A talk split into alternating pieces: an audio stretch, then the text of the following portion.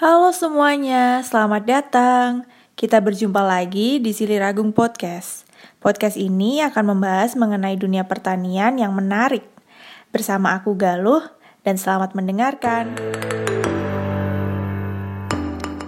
Podcast kali ini sedikit berbeda dengan episode-episode sebelumnya bersama Mila. Episode 7 ini aku nggak akan sendirian, bakal ada temanku yang menemani kalian untuk sharing cerita menarik sebagai pendamping Kementerian Pertanian Indonesia dalam program Pekarangan Pangan Lestari. Langsung aja kita kenalan sama Derry. Hai Derry, Terima kasih sudah mau bersama kami di Silir Agung Podcast kali ini. Derry boleh dong kenalan dulu sama teman-teman biar lebih dekat sama Derry. Halo Galuh, aku Derry Putri, teman-teman boleh panggil aku Derry. Sekarang aku sedang aktif berkuliah di Fakultas Pertanian Universitas Gajah Mada. Dan tahun 2020 lalu, aku menjadi salah satu pendamping program P2L dari Kementerian Pertanian Indonesia. Wah, iya ya, Der. Kebetulan kita jadi pendamping seangkatan ya.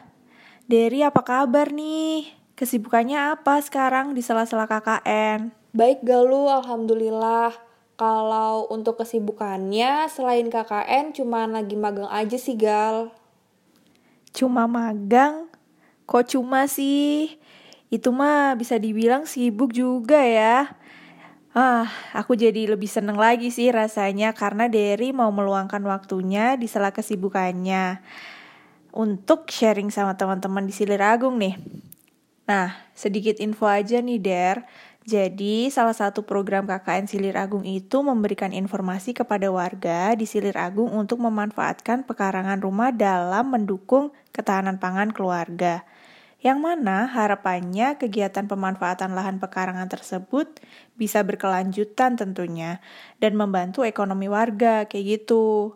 Nah, kebetulan sekali kegiatan tersebut selaras dengan program yang sedang digencarkan oleh Kementerian Pertanian, yaitu Pekarangan Pangan Lestari. Dan pas banget Derry berpengalaman langsung di bidangnya. Jadi aku pengen nih Derry bisa cerita pengalamannya waktu itu. Boleh dong Der dijelasin P2L atau pekarangan pangan lestari ini gimana sih kalau menurut kamu Der? Oke Galuh, jadi P2L itu program dari pemerintah Gal, bener banget seperti yang udah kamu jelasin tadi.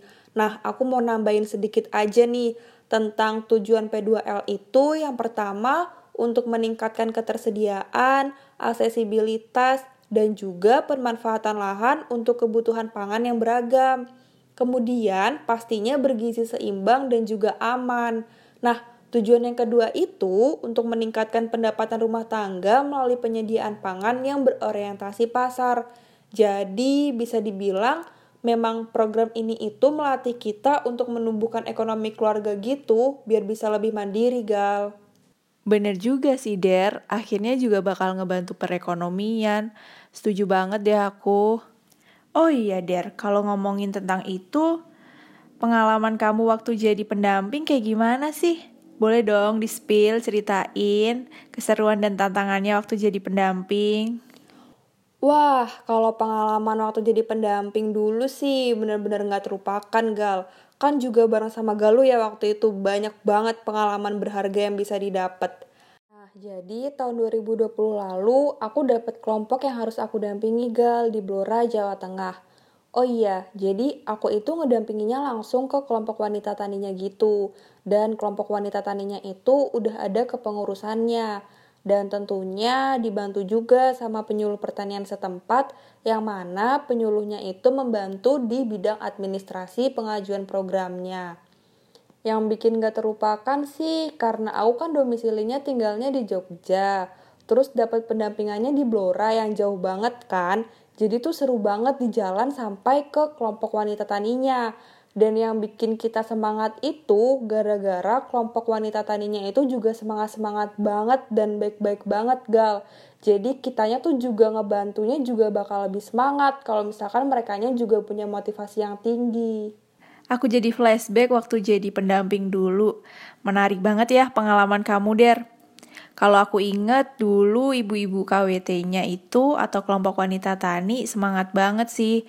Sampai hasil panen mereka itu dititipin gitu kan di pedagang-pedagang karena saking banyaknya dan mereka berhasil nanam itu di pekarangan masing-masing. Yang menarik-menarik kan udah nih. Aku mau nanya dong, Der, ngobrolin selain P2L. Kalau misalkan P2L itu kan harus ada kelompoknya gitu ya, buat bisa dapat programnya. Nah, kalau misalkan nih kita mau mandiri, bisa kan ya buat pemanfaatan lahan pekarangan itu di rumah secara masing-masing gitu.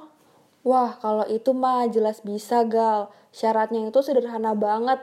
Yang penting sih sebenarnya punya kemauan yang tinggi untuk bercocok tanam dan juga punya pekarangan di rumah. Tapi kalau misalkan masalah pekarangan nih ya, Gal, bahkan gak ada pekarangan pun bisa loh, Gal kita itu bisa manfaatin pot atau botol bekas atau bisa juga sih ember bekas buat media tanamnya gal. Iya, sepakat nih aku. Emang nggak perlu ribet kalau misalkan kita mau memulai memanfaatkan pekarangan rumah. Cukup yang simpel-simpel aja memanfaatkan barang-barang bekas juga bisa. Dari BTW, penyampaian kamu semangat banget sampai di aku yang jarak jauh aja kerasa banget nih. Aku berharap perasaan yang semangat ini juga sampai ke bapak dan ibu atau siapa pun yang di Siliragung yang sedang mendengarkan.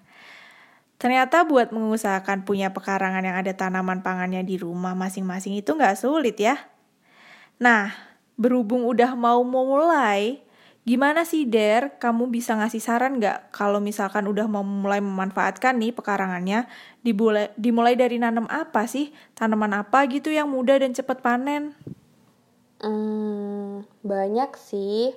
Kalau yang mudah itu, kalau yang aku tahu ada kangkung, sawi, kemangi, uh, cabai, selada, tomat, terong sama timun juga bisa atau yang lain-lain juga bisa sih gal sebenarnya disesuaikan sama kebutuhan dan keinginan aja. Tapi yang jelas kita perlu kasih perhatian juga sama tanamannya biar tanamannya itu tumbuh dengan baik dan kalau misalkan sudah menghasilkan itu nanti bisa dikonsumsi sama kita. Syukur-syukur kalau misalkan nanti hasilnya lebih itu nanti bisa dibagiin loh gal ke tetangga atau bahkan bisa juga dijual. Ha, bisa aja dari mah. Tapi aku juga setuju sih kalau misalkan yang diperhatiin itu nggak cuma pacar atau kekasih-kekasih gitu. Tanaman juga perlu diperhatiin kali ya biar tumbuhnya bisa maksimal. Kalau kebutuhan rumah tangga udah terpenuhi nih, aduh sorry ya tadi nyimpang nih. Jadi, kalau misalkan kebutuhan rumah tangga sendiri sudah terpenuhi, sepertinya dibagikan akan sangat menyenangkan pun dijual. Pasti akan menjadi sangat bangga karena tanaman yang ditanam hanya di pekarangan rumah bisa menghasilkan uang. Hah, udah nggak udah nggak kerasa nih sama Derry ngobrolnya cukup lama. Kalau aku boleh ringkas nih ya, jadi pemanfaatan lahan pekarangan itu sangat efektif teman-teman untuk meningkatkan ketahanan pangan keluarga. Ya karena dari pemerintah pun sudah mengusahakan ada program khusus untuk hal tersebut. Nah, kalau misalnya mau mengusahakan mendapatkan program P2L, berarti yang perlu disiapkan adalah koordinasi dengan penyuluh untuk memudahkan kelompok wanita tani di suatu desa. Namun, kalau diusahakan secara mandiri pun sangat dianjurkan karena Mudah kan ya melakukannya, yang penting punya semangat dan mau mencoba. Hmm, insightful banget nih. Sesi ngobrol-ngobrol sama Derry kali ini. Terakhir nih Der, sebelum kita berpisah dengan suara-suara yang merdu ini, ada nggak yang mau disampaikan ke teman-teman pendengar podcast Silir Agung atau ke teman-teman KKN aku? Kasih semangat juga boleh sih Der. Apa ya Gal? Hmm, pokoknya semangat selalu ya buat teman-teman Silir Agung yang masih berproses di KKN.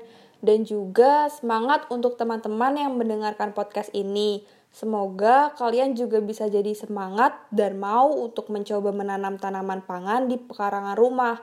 Nah, aku mau mengajak nih buat teman-teman semua Ayo kita bareng-bareng untuk memenuhi kebutuhan pangan dengan mandiri dan menanam tanaman di pekarangan rumah masing-masing. Wah, dikasih afeksi sama Derry. Semoga yang di jauh sana bisa menerima dengan baik dan termotivasi untuk bareng-bareng kita penuhi kebutuhan pangan mandiri. Derry, makasih banyak ya udah dateng, sudah meluangkan waktunya buat ngobrol bareng aku di Siliragung Podcast. Aku berharap Derry sehat selalu dan bahagia selalu. Semangat juga yang lagi KKN. Kamu dan teman-teman kamu semangat ya. Dadah. Buat teman-teman semuanya, sampai jumpa di podcast Siliragung selanjutnya.